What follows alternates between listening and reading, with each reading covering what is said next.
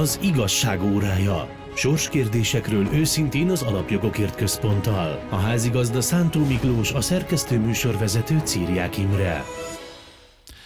A tudás hatalom. Új konzervatív egyetem alakult Lengyelországban. Szénhidrogén. Londonban fogadták Orbán Viktor miniszterelnököt. Semleges nem. A játékboltokat és a ruházati üzleteket sem kíméli a gender lobby. Üdvözöljük a kedves hallgatókat, ez itt az igazság órája a Karcefemen. Köszöntöm házigazdánkat, Szántó Miklóst, az Alapjogokért Központ igazgatóját. Szervusz Miklós! Szervusz Imre, jó napot kívánok! És Kovács Istvánt, az Alapjogokért Központ stratégiai igazgatóját. Szia István!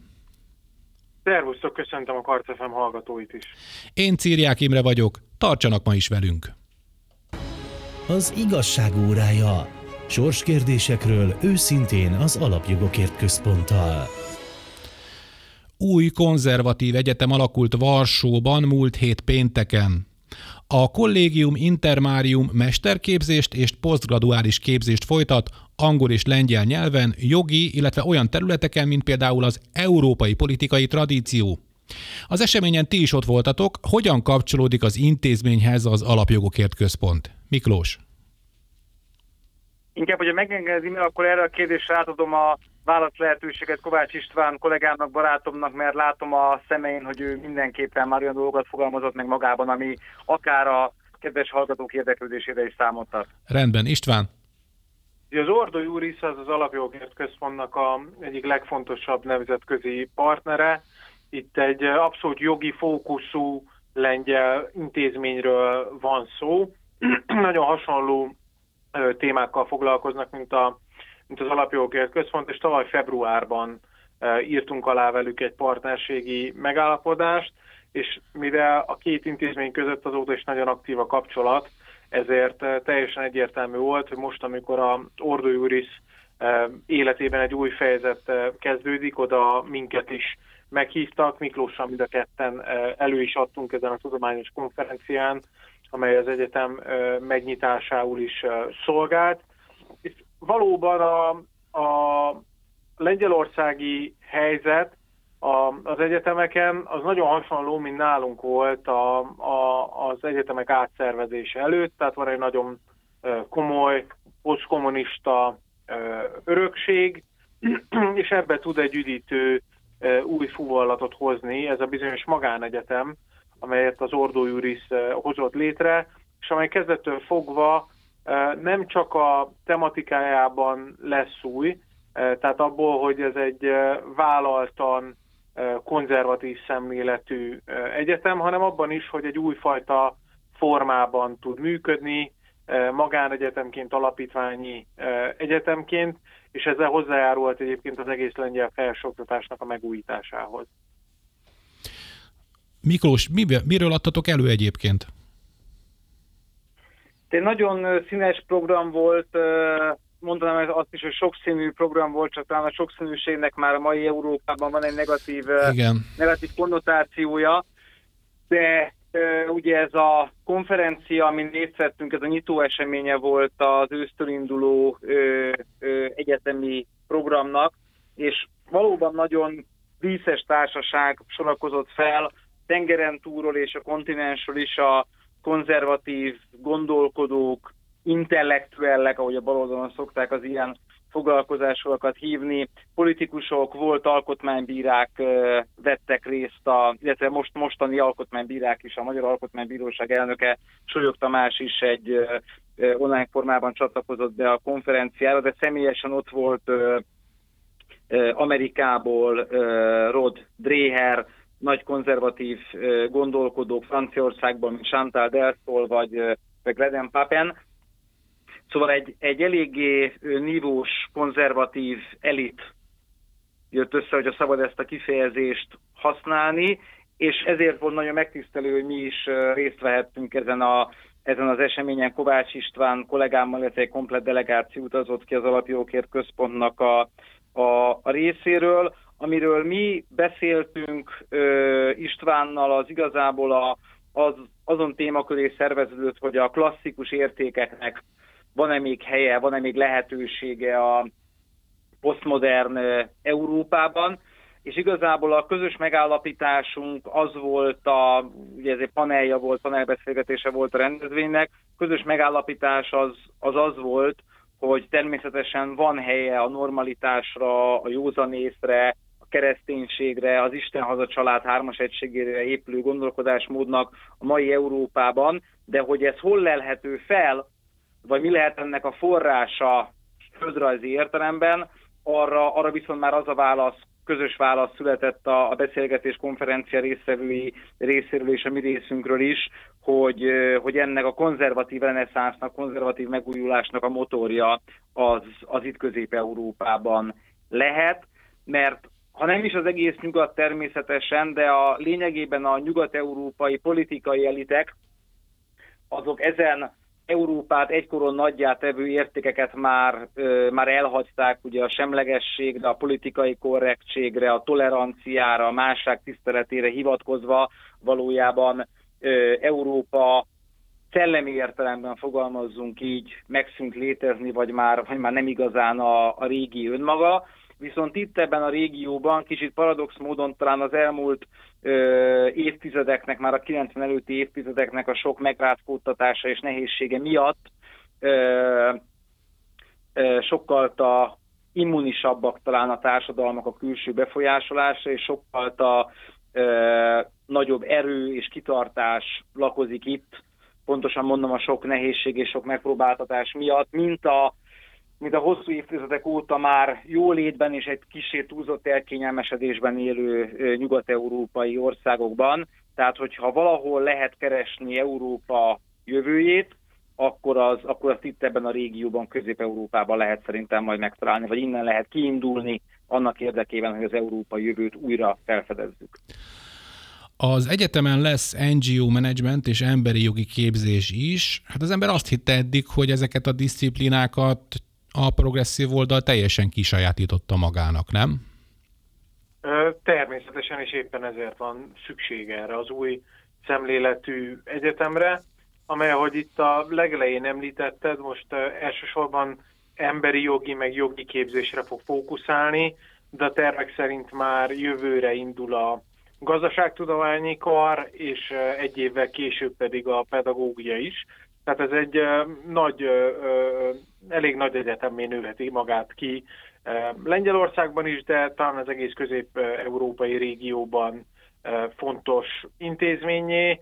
Ott hát a nagyon jó barátunk az egyetem menedzsmentjének a, a vezetője, aki egyben az Ordo Iris elnöke is mondta, hogy még nem dölt el, hogy ez egy bárka lesz, ami a konzervativizmusnak a túlélését segíti itt a liberális özönvízben, vagy pedig egy olyan csatahajó, amelyik képes lesz arra, hogy területet hódítson el a liberális erők által elfoglalt felsőoktatásból, de természetesen a lengyel barátaink is, meg mi is azon fogunk dolgozni, hogy, hogy minél inkább meg tudjon erősödni ez az újfajta szemlélet, és hogy bebizonyítsa azt, hogy az a toposz, amit hát ez a bizonyos balliberálisnak nevezett, bár sokszor beszéltünk róla, hogy se nem baloldali, se nem liberális, Igen. leginkább a nyílt társadalommal lehet leírni, tehát hogy amit ez a bizonyos ideológia kisajátított magának, és felépítette azt a toposzt, hogy a szakmaiság, az akadémiai szektor az mind-mind csak ennek az ideológiának a keretei között tud működni, arra egy csattanós választ lehet ez az egyetem. Ugye a magának az együttműködésnek a kiszélesítésén ti is dolgoztatok, mert ha jól tudom, akkor tárgyalásokat folytattatok egész hétvégén. Merre felé próbáljátok kiszélesíteni ezt az együttműködést?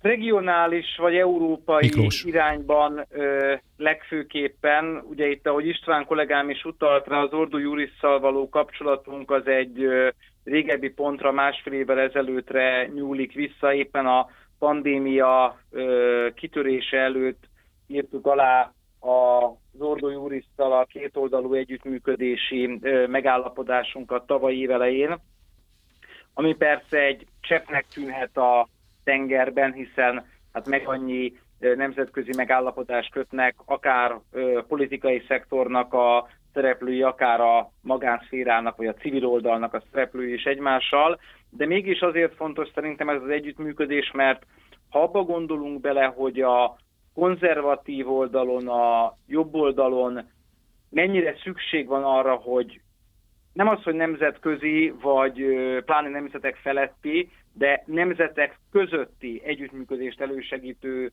operációk legyenek, akkor ilyen típusú kooperációkban már jóval kevesebbet találunk. Sajnos ugye valahogy van egy ilyen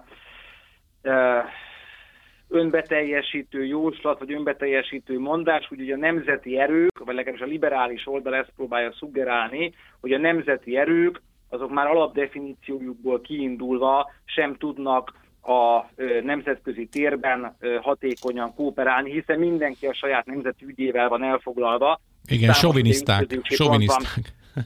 Igen, igen, igen, és a soviniszta sovinisztával nem tud együttműködni, ez a nagy mondás. Mi éppen ugye ennek a ellenbizonyítását ö, mutatjuk fel, hogy pontosan a mai posztmodern világban, pontosan a globalizáció olyan globális módon kezdi ki a, az alapvető, valóban alapvető értékeket, amire a társadalmunk, a, a nemzeteink, a családjaink hosszú évszázadok, évezredek óta épülnek, hogy ezek a kihívások, ö, ezek ezek valójában a nyugati civilizáció meg annyi országában azonosak. Tehát, hogy arra gondolunk, hogy megpróbálják különböző nemzetközi intézmények vagy uniós szervek kiszervezni a döntéshozatalt tagállami szintről, állami szintről, nemzetközi szintre. Hogy ezt mennyire támogatják meg különböző ugye a nyílt társadalom eszmerendszeréhez tartozó NGO-k, hogy ebben milyen szinten vesznek részt a különböző magukat nem politikai aktor, aktorként definiáló nemzetközi bíróságok, nemzetközi tanácsadó testületek.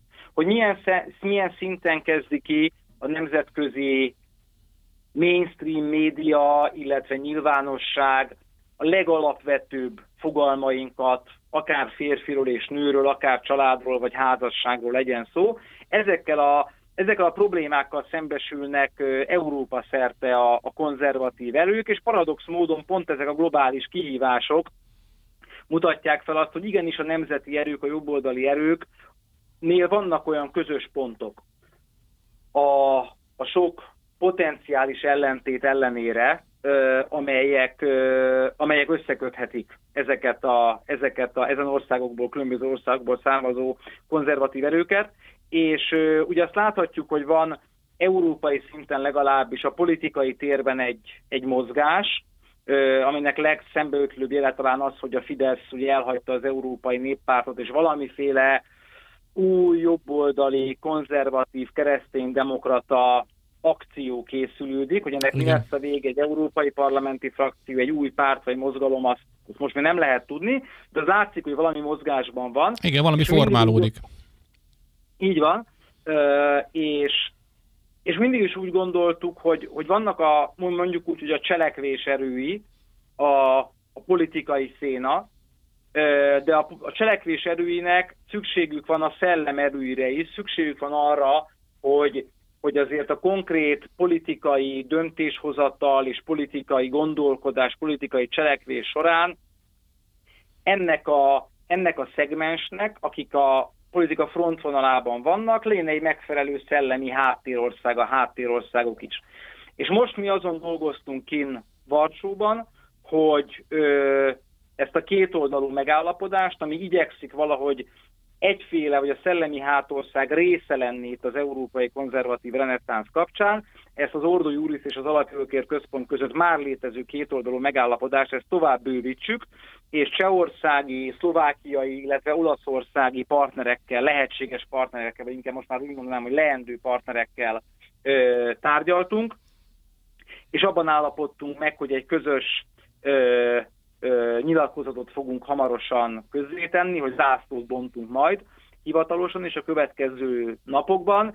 Most ennek a, az öt országnak a részvételével, tehát Lengyelország, ö, Olaszország, Csehország, Szlovákia, és nem utolsó sorban Magyarország részvételével, valamennyi országból konzervatív, jobboldali, a normalitás, a józanész és a kereszténység gondolatkörén álló civil szervezetek, kutatóintézetek, alapítványok bevonásával, és így repülő rajban, vagy kötelékben szeretnénk előre menni és előre vinni a konzervativizmusnak és a józanésznek az ügyét Európában. Ez egyrészt persze fontos a most folyó az Európai Unió által indított Európa jövőjéről szóló vita, konferencia sorozat kapcsán is, hogy ez az oldal is hallassa a hangját, de talán még fontosabb az, és itt nem, szerintem nem szégyen tanulni a, a profiktól, hogy azért a nyílt társadalom eszmerendszerének a hívei is egy nagyon komoly hálózatot építettek ki,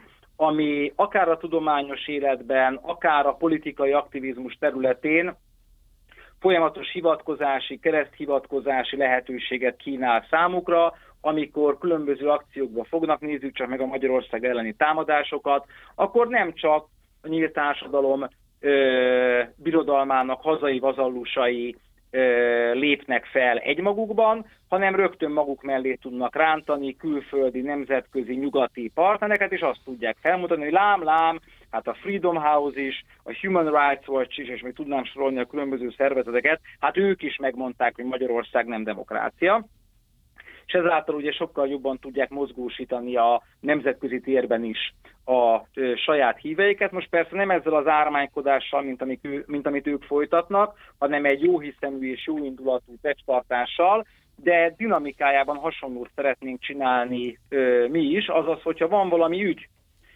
akár az Európai Unió él valami bornírt jogalkotási javaslattal, akár csak támadás éri valamelyik országot vagy valamelyik szövetségesünket, akkor együtt tudjunk fellépni, és már abszolút sikereket is értünk el a kezdeti szakaszban, amelyek között vannak szerintem nagy dolgok is, például az, hogy az együttes fellépésünknek az Ordó Jurisztal indított petíciónak is köszönhetően Egyelőre az Európai Unió még nem ratifikálta az isztambuli gender egyezményt, de említhetném azt is, hogy egy nagyon fontos civil delegáltakat tömörítő EU-s intézményből a liberális idézőjeles civilek ki akarták rugatni.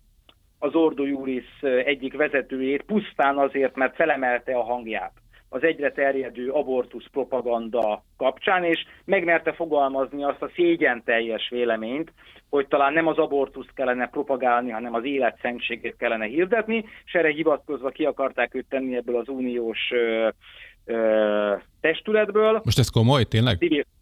Igen, igen, igen, ez, ez így van, és, ö, és hát most csúnyán fogok fogalmazni, vagy egyszerűsítve mondom a dolgot, riadóláncba tömörültünk, ö, ők is szóltak nekünk, mi is szóltunk a mi partnereinknek, partnereinknek igyekeztünk ö, tényekkel alátámasztva táfolni a túlzó vádaskodásokat, amelyekre hivatkozva ö, az illetőt el akarták távolítani, és bemutattuk a saját igazunkat, hogy úgy amúgy miért is van helye azért akár ilyen dolgokban is a, a konzervatív keresztény felfogásnak a közbeszédben, és érezhető volt, hogy annyi visszajelzést kaptak az adott testületben a, a döntéshozók, hogy eltekintettek a Ordo Juriszos barátunknak az eltávolításától, és imaradhatott a helyén. Ezek ez persze egy kicsi ügy, tehát nem azt mondom, hogy ez váltja meg a világot, de látszik, amit nagyon sokszor hangsúlyozunk, hogy, hogy együtt erő vagyunk, szerteszét viszont gyöngeség. Ez egy nagyon komoly lobby erejű társaság lenne egyébként így öt, részle, öt, öt ország részvételével, ha jól értem. Igen, és azért azt is hangsúlyozni kell, hogy vannak olyan nemzetközi fórumok, ahol kifejezetten elvárás az, hogy valami fajta hálózat együttesen tudjon fellépni, tehát például a Európa tanácsán, amelyik ugye emberi jogi kérdésekben nagyon sokszor hallatja a hangját, és az Európai Unió is hivatalos hivatkozási alapként kezeli, még akkor is, hogyha nem egy uniós testületről van szó. ahhoz, hogy valaki hivatalosan is hozzá tudjon járulni a folyamatban lévő vitákhoz, ahhoz legalább öt szervezetnek a szövetségében eljárva kell ilyen véleményeket tenni. Tehát például ez is egy olyan fórum lesz, ahol együttesen tudunk fellépni, de lehetne említeni ugye a Strasburgi Emberi Jogi Bíróságot, lehetne említeni az Európai Unió Luxemburgban székelő bíróságát, és meg annyi, meg annyi olyan fórumot, amelyek bár nincsenek talán a közbeszédnek a mindennapi fókuszában, de szépen lassan, ugye lassú vízpartot most alapon folyamatosan megváltoztatják a, a, azt a világot, amelyben élünk. Tehát azért az elmúlt évtizedekben olyan változás ment végbe, amelyből persze ki lehet emelni egy-egy csomópontot, de inkább szépen lassan azt vettük észre, hogy olyan világ épült fel körülöttünk, amely már nem ugyanaz az Európa, amelyhez mi csatlakozni akartunk annó, és a mi kis szövetségünk az arra tesz kísérletet, hogy megpróbáljuk visszaterelni Európát abba az irányba, amiben nagyszerű volt egyébként európainak lenni. Az Ordó Julisszal kötött megállapodásról, vagy a, a kapcsolat kezdetéről mi is beszámoltunk egyébként ebben a műsorban, és hát igen, sajnos ez a, ez a még a pandémia előtt volt, és azt is el kell mondani, hogy ugye ez a járványhelyzet egy csomó programot is lehetetlenné tett, amit, amit ugye terveztetek mindenféle nemzetközi együttműködés erősítése érdekében. Arról lehet-e valamit tudni, hogy ezeket hogyan lehet pótolni, például akár most ezzel a, az új ötös fogat mm, féle együttműködéssel is?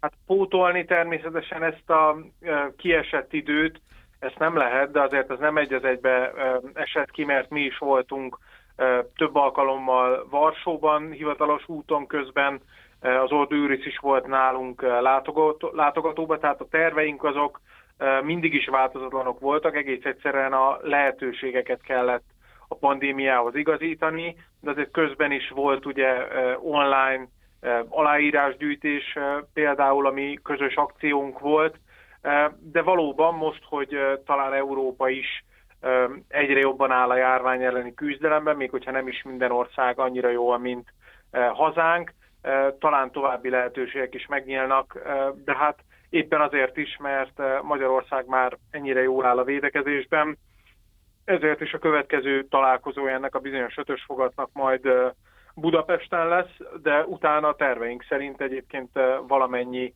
államban, ahonnan van résztvevő, el fogunk látogatni még, még az idei év során.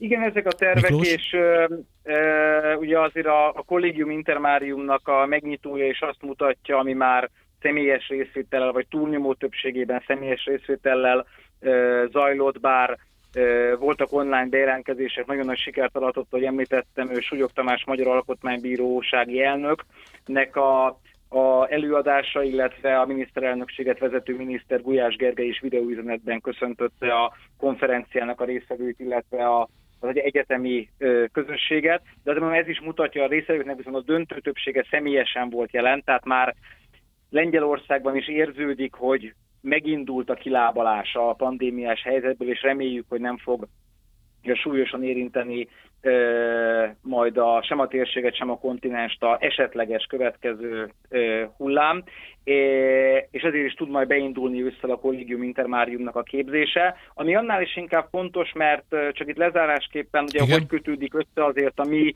nemzetközi, vagy pontosan a nemzetek közötti együttműködést elősegítő projektünk a, az egyetemnek a, a küldetésével. Ez pedig az, amire itt István is utalt korábban, hogy nagyon sok olyan területet, nagyon sok olyan kifejezést kisajátítottak a liberálisok, amelyekre ma már egy hétköznapi polgár e, úgy tekint, hogy az, az nyilvánvalóan valamiféle e, progresszív hitbizomány, legyen mondjuk szó emberi jogokról. Csak nagyon más a megközelítése az emberi jogoknak akkor, amikor azokat úgy értelmezzük, mint ahogy a liberálisok teszik és hirdetik, hogy az az emberi vágyaknak az azonnali kielégítését szolgáló jogi keretrendszer, hogyha valakinek bármi hirtelen vágya, óhaja, sóhaja van, akkor azt valahogy joggá igyekszik transformálni, és ezáltal kikényszerítetni a többségtől. Vagy van egy másik konzervatív megközelítése is az emberi jogoknak, ez pedig a természetjogi megközelítés, ami azt mondja, hogy a természetrendje által, a teremtés rendjéből fakadóan adott az élet és az emberi méltóság, ezek tapadnak nyilvánvalóan az embernek az emberi ö, mi voltához, de pontosan az, hogy ennek van egy transzcendentális természetjogi, a teremtésből fakadó háttere, ez megszabja ezeknek a, ezeknek a jogoknak az értelmezési keretét is, és nyilvánvalóan ami a józanész és a normalitás talaján e, beleértendő, az élethez való jogban, az emberi méltóságban például azt foggal körömmel védeni kell, de amikor már pontosan ellene fordul az élet ö, szentségének a parancsa ellen fordulna ez a liberális emberjogi értelmezés, akkor pontosan a természetjogi kánon tudja felmutatni ezeket a határokat. Most gondoljunk csak itt a akár az abortusznak, akár az eutanáziának, akár a, a drogpropagandának a kérdéskörére, hogy pontosan úgy értelmezik a liberális, a külön, liberális a különböző szabadságjogokat, hogy az, azok már a végén valójában az élet ellen hatnak, és az élet ellenében értelmezik őket, de le kell tenni az asztalra, és meg kell mutatni, és ezt tudja megmutatni a mi regionális együttműködésünk is, amit tervezünk, illetve ami most már benne van a csőben, illetve az egyetemnek a küldetése is ez, hogy felmutassa, hogy igenis például az emberi jogok értelmezése, értelmezése területén nem csak a nyílt társadalom kánonja létezik, hanem van alternatíva, ugyanúgy, hogy van alternatív a fősodratú liberális értelmezéshez képest más értelmezése mondjuk a jogállamiságnak vagy a demokráciának is. Önök az igazság óráját hallgatják a Karcefemen, a műsor hamarosan folytatódik, de előbb Szántó Miklóst, az Alapjogokért Központ igazgatóját el kell engednünk mára.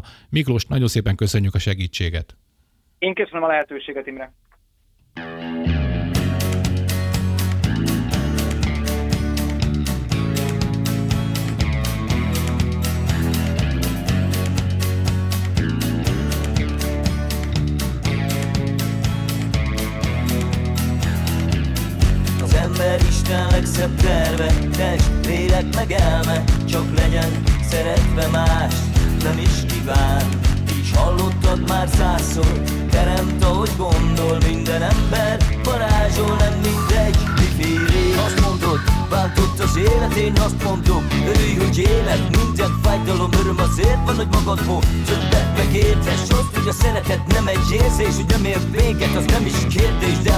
De ha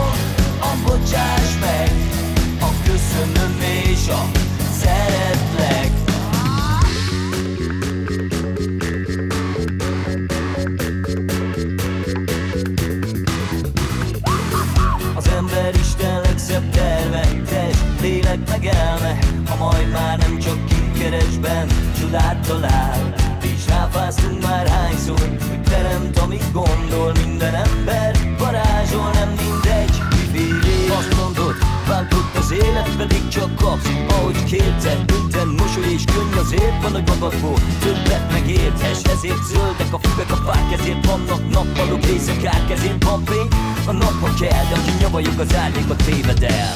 Ha minden nap beszeded A sok utaság ellen az ajánlott lesz Tablettát használd mindenre, hogy legyen jó Ahol élsz, a négy varázsigény Ezek a sajnálók, köszönöm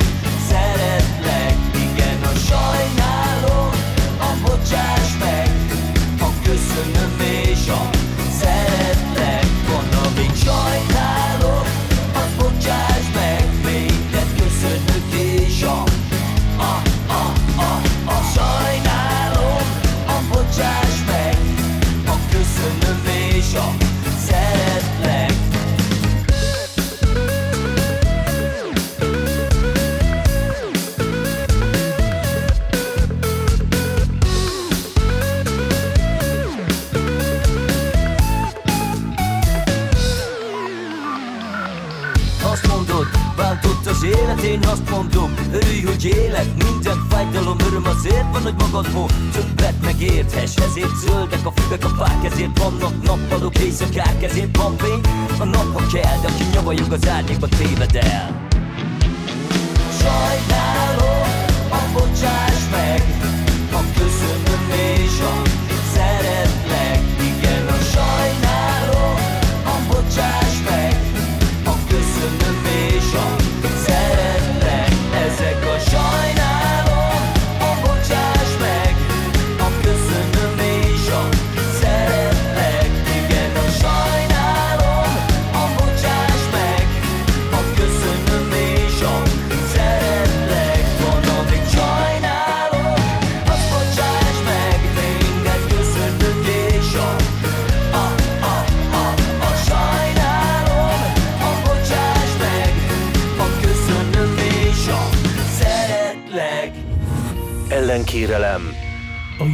józanész jegyében. Ez itt az igazság órája a Karcefemen Kovács Istvánnal, az Alapjogokért Központ stratégiai igazgatójával, és csatlakozott hozzánk Párkányi Eszter, az Alapjogokért Központ elemzője is. Szia Eszter! Szervusz Imre, üdvözlöm a hallgatókat! A szerkesztő műsorvezető Círiák Imre.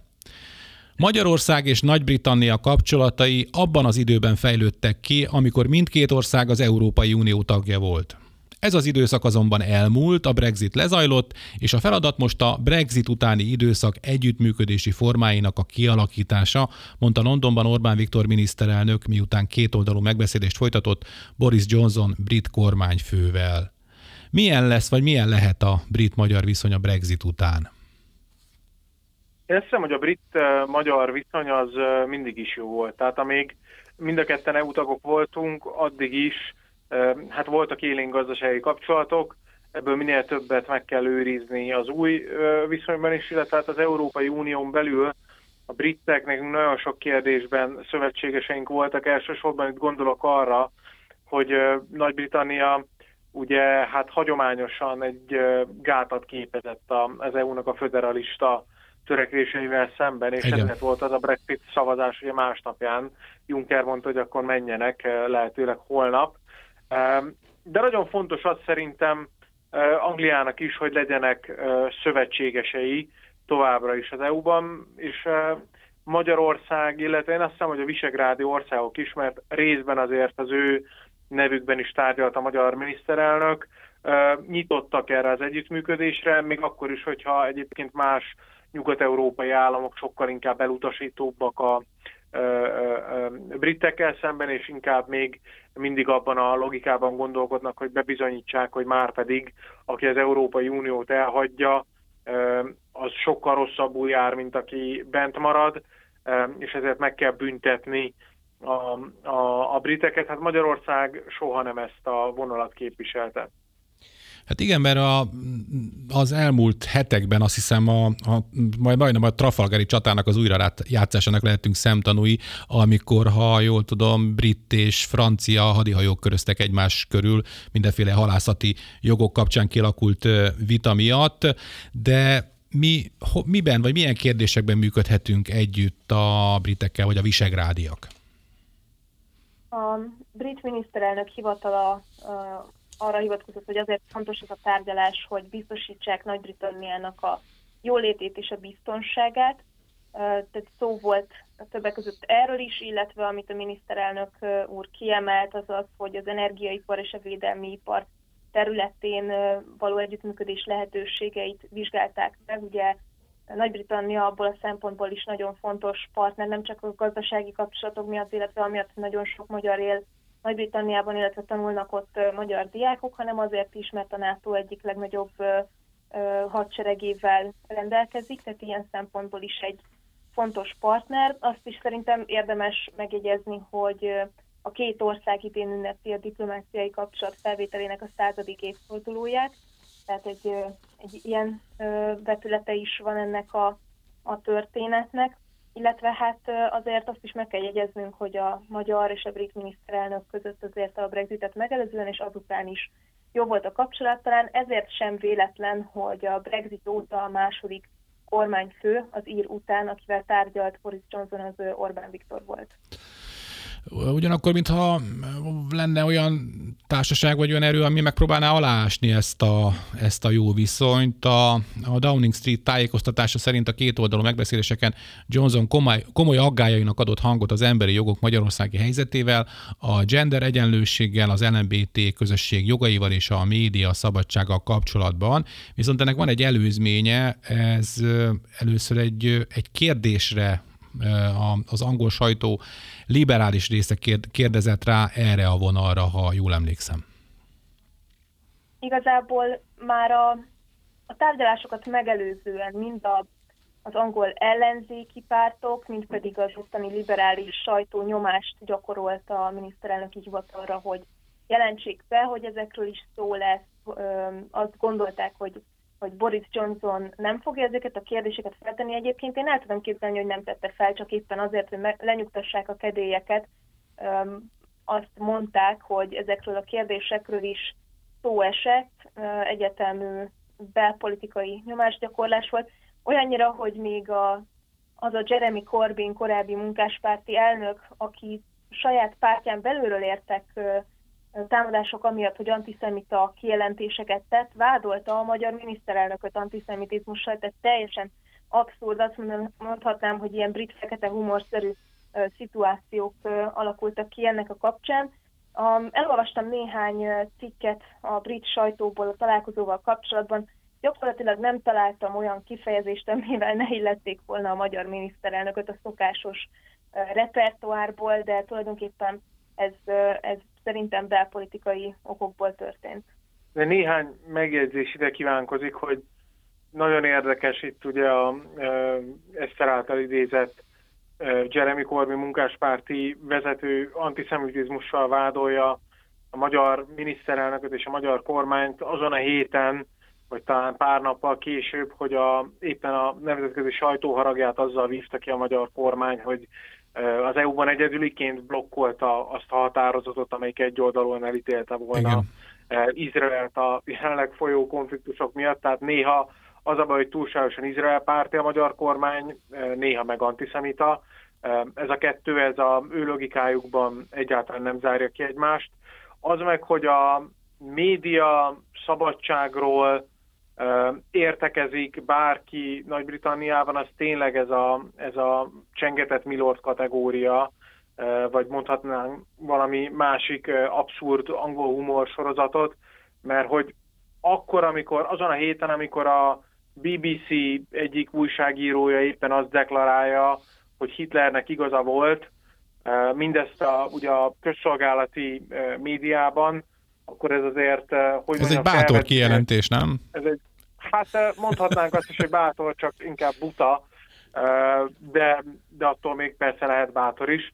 De hát értelemszerűen abszurd az, hogy ezek után bárki a magyar média helyzetével foglalkozik. A briteknél meg hát különösen akkor, amikor ugye itt a, a, a BBC-t hát most különösen sok bírálat érte, ugye nemrég Vilmos Herceg kitálalt, hogy tulajdonképpen az anyja halálában a BBC-nek milyen komoly szerepe volt, tehát én nem érzem ezeket a kritikákat most megalapozottnak. Ez nem azt jelenti persze, hogy Magyarországot ne lehetne bírálni, ne lehetne akár a magyar média helyzetét is bírálni, vagy párbeszéd tárgyává tenni, mint ahogy egyébként a miniszterelnök párbeszédbe is bocsátkozott. Tehát az a képsor, amit több helyen lehetett látni, az nagyon beszédes volt, hogy sétál a miniszterelnök, és a brit újságírók elkezdik kérdezgetni többek között a média helyzetről is, és ő nyíltan, őszintén, és hát angolul válaszol nekik. Ugyanebben a helyzetben azért meg lehet nézni, Karácsony Gergely hogy reagál. Ezt akartam, ezt akartam kérdezni is. egy angol nyelvű kérdést feltesz neki. Hát elszalad. Hát beül az autóba, de ahogy közeledik a kampány, lehet, hogy inkább biciklire fog felpattanni. De a viccet félretéve azért... De, igen? A, a különbség az, az, hogy mondjam, szemmel, szemmel látható a két embernek a felkészültsége, karaktere és képességei között. De a miniszterelnök ugye Orbán Viktor vette alapot, mert megkérdezte, hogy magyarul vagy angolul nyilatkozzon, és nyilván ugye azt mondták, hogy angolul, de hát ugye ő is érezte azt, hogy ennek van egy üzenetértéke hazafelé, idehaza. Meg hát fel is szólította őket, hogy nyugodtan jöjjenek el Magyarországra, menjenek el egy újságoshoz, és kérjenek egy olyan lapot, ami bírálja a kormányt, és egy tucatot fognak nekik mutatni, tehát azt gondolom, hogy a, amilyen gyönyörű és egyedi a magyar nyelvünk, most, mostanában annyi nehézséget okozott, hogy senki más nem ért meg minket, és, és ezért bármiféle vádakat a fejünkhöz vágnak, hiszen elhiszik azt tulajdonképpen, amit ugye itt már szó volt az előző blogban arról, hogy milyen nemzetközi hálózataik vannak a liberálisoknak, hogyan riadóztatják egymást. Ugyanez igaz az újságok esetében is, emlékezzünk vissza, talán a New York Times és a 444 kapcsán volt ez a, az ügy, ami kiderült, hogy ugyanaz az újságíró írta a két cikket, majd eladták úgy, hogy mint hogyha szemlézték volna a New York Times-ból, tehát gyakorlatilag a, a hazánk ellen dolgozó újságírók szolgáltatják ezeket a, a vádakat és lejárató cikkeket a nyugati sajtónak hazánkról.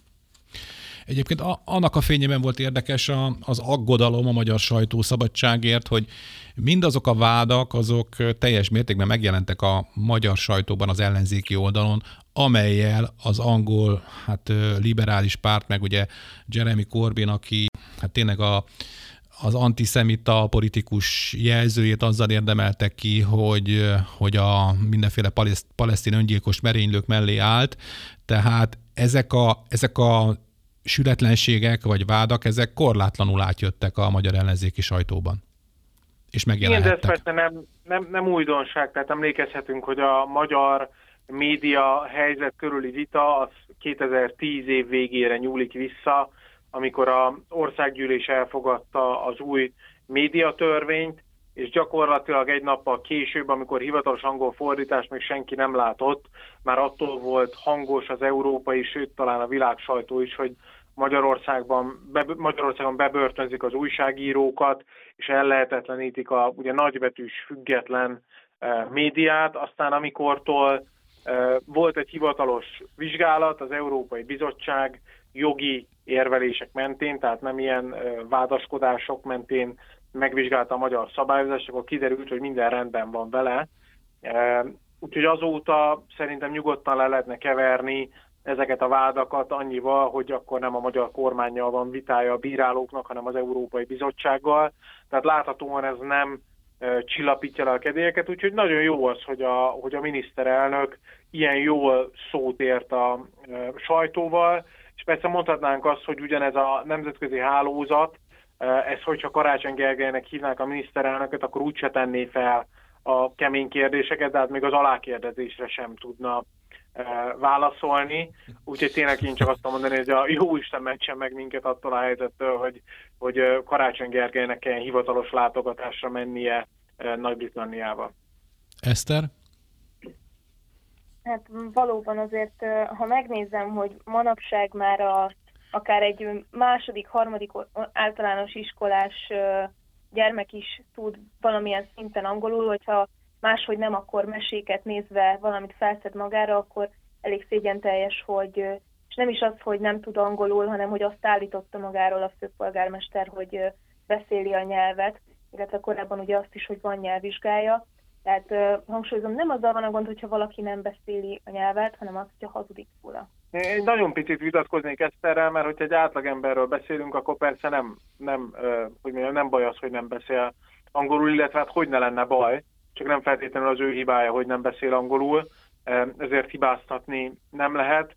Azért, hogyha valaki Magyarország miniszterelnöke szeretne lenni, ott viszont alapelvárás, hogy, hogy beszéljen angolul, de abban teljesen egyetértek, hogy, a, hogy ennél is nagyobb baj az, tehát annál, hogy nem beszél angolul, annál is nagyobb baj ez a, ez a zavaros víz, ami, ami körülötte van. Tehát, de ez nem, nem új keletű, mert ugye emlékezhetünk, hogy a autót se tud vezetni Karácsony Gergely, amire szintén azt mondhatjuk, hogy ez önmagában nem lenne baj, még egy miniszterelnöknél sem elvárás, hogy autót vezessen, de az, hogy ő egyébként egy sztorit körít a, a, az autóvezetés, tehát a jogosítványának a hiánya mögé, hogy hát itt az ő édesapja az autóban esetben halt meg, ami amúgy tény és Isten nyugosztalja, de hogy ő ezért nem tette le a jogosítványt, közben kiderül, hogy egyébként ő egy csomószor megpróbálta, csak egész egyszerűen képtelen arra, hogy autót vezessen a képességeinél fogva. Az, hogy azt mondja, hivatalosan benne van az életrajzában, hogy egyébként ő PhD tudományos fokozatot szerzett, majd amikor kiderül, hogy hát e- ehhez egyébként olyan közel állt, mint Makó Jeruzsálemhez, akkor azt mondja, hogy ő nem is érti, hogy ez hogyan került bele, hát csak valaki, valaki beleírta. Valaki beleírta. Hogy, tehát, hogy ez is ilyen, ilyen, ilyen ez, a, ez a teljes szavarodottság és, a, és a, a, a, az össze-vissza hazudozás, ez, ez önmagában nagyobb baj, mint egyébként az ő képességei, az ő szerény képességei, amikor meg véletlenül igazat mond, akkor meg ugye egyből bocsánatot kér, ahogy arra rávilágított a miniszterelnök is, de hát önmagában az az ellentmondásos nyilatkozat is, amiben ugye arra hívta fel a figyelmet, és számára ez volt a legfőbb különbség Orbán Viktor meg Karácsony Gergely között, hogy ő magas és sovány, a miniszterelnök meg alacsony és nagy darab. Hát hogy mondjam, ennél szerintem fontosabb dolog az, hogy a milyen képességei vannak az embernek, illetve hogy mennyire, mennyire, mennyire őszinte, hát ebben a versenyben mindenképpen alul maradt Karácsony Gergely. Hát István, hogy is szokták ezt mondani? Egyszerű ember, egyszerű gondolatok. Most is a haladás sajtó hírével zárjuk a műsort. Bolondjukból. Szemle a politikailag korrekt hírek világából. amelyben ma is az Alapjogokért Központ sajtó szemléje volt a segítségünkre. Kaliforniában egyre közelebb kerül az elfogadáshoz egy olyan szabályozás, amely előírná az 500 négyzetméternél nagyobb boltoknak, hogy gendersemleges ruha és játékosztályokat alakítsanak ki. A készülő jogszabályt minden valószínűség szerint elfogadják a demokraták által irányított tanácsban, így az törvényi erőre emelkedhet. Hát az első kérdésem az, hogy milyen lehet egyáltalán egy gender vagy gender semleges játékbolt, vagy ruhabolt? Nos, a, Eszter. már vannak egyébként kezdeményezések a gyermekruhák terén is, tehát egy pár évvel ezelőtt Celine Dion indított egy ilyen ö, gyermekruhaláncot, ami gender semleges. Ez azt jelenti, hogy az összes ruhadarab szürke, tehát úgy néz ki, mint a szegény kisgyerekek ilyen börtöntöltelékek lennének. Hát egy ilyen árvaház, nem? Tehát ilyen rossz, rossz árvaház, vagy a, ilyen az angol, ö, melyik volt az a Copperfield Dávid ö, regény szereplői. Igen, bocsánat, Hát- bocsánat. Ez az, ez az egyik, a másik pedig az, hogy azért nekem még, még nincsen kisgyermekem, de amennyire tudom, azért őket stimulálni kell színekkel, formákkal, tehát a színes babaruhák, meg hát amúgy is abban aranyosak, de a felnőtteknél is vannak egyébként ilyen gendersemleges, nem csak ruhaláncok, hanem egész kollekciók.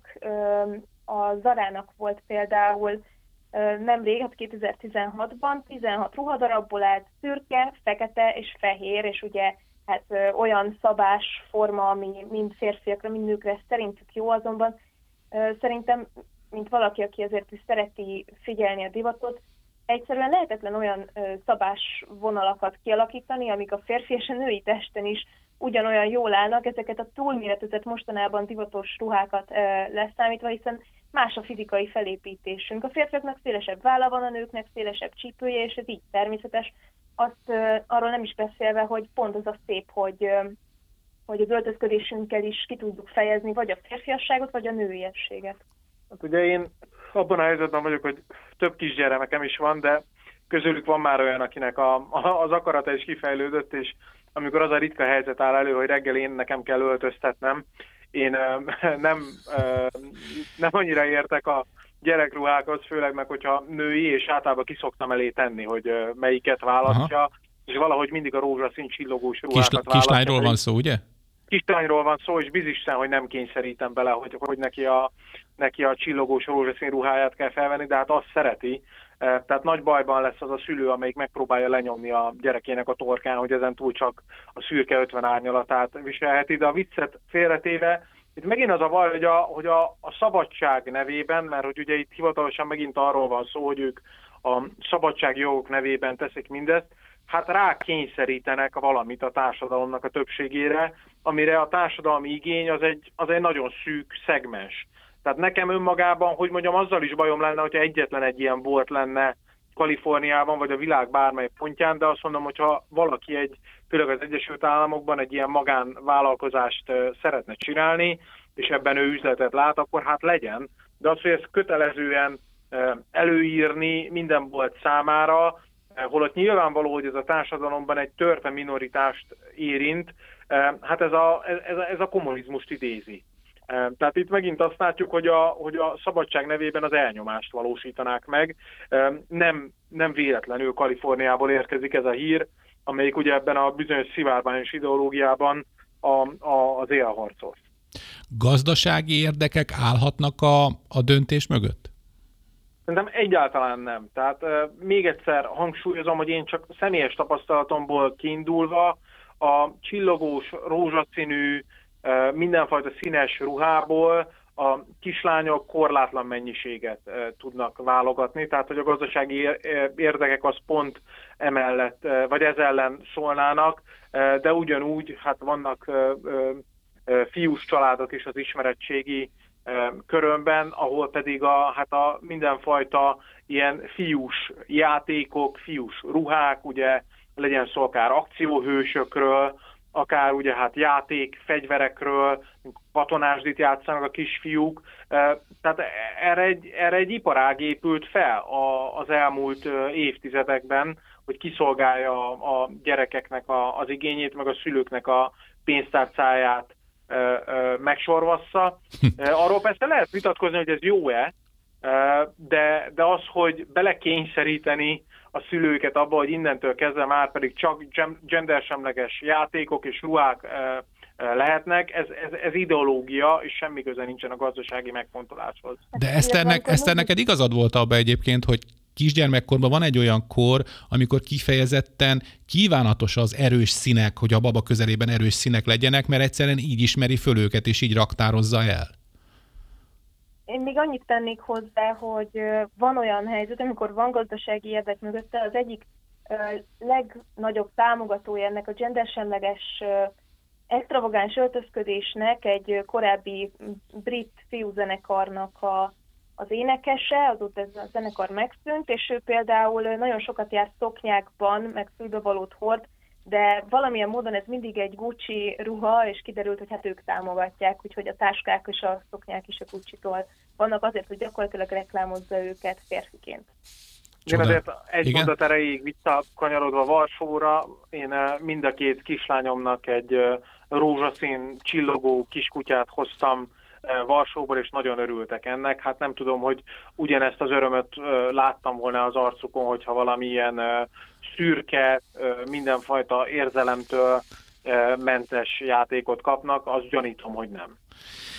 Én is így gondolom. Ennyi fért ma az igazság órájába, az Alapjogokért Központ és a Karcefem közös műsorába. Hallgatóinknak köszönjük a megtisztelő figyelmet, vendégeinknek, Párkányi Eszternek az Alapjogokért Központ elemzőjének, és Kovács Istvánnak az Alapjogokért Központ stratégiai igazgatójának pedig a segítséget. Köszönjük István és Eszter! Köszönjük szépen a lehetőséget! Búcsúzik a szerkesztő műsorvezető Círiák Imre is, várjuk Önöket egy hét múlva a Viszonthallásra. Az igazság órája. Sorskérdésekről őszintén az Alapjogokért Központtal. A házigazda Szántó Miklós, a szerkesztő műsorvezető Círiák Imre.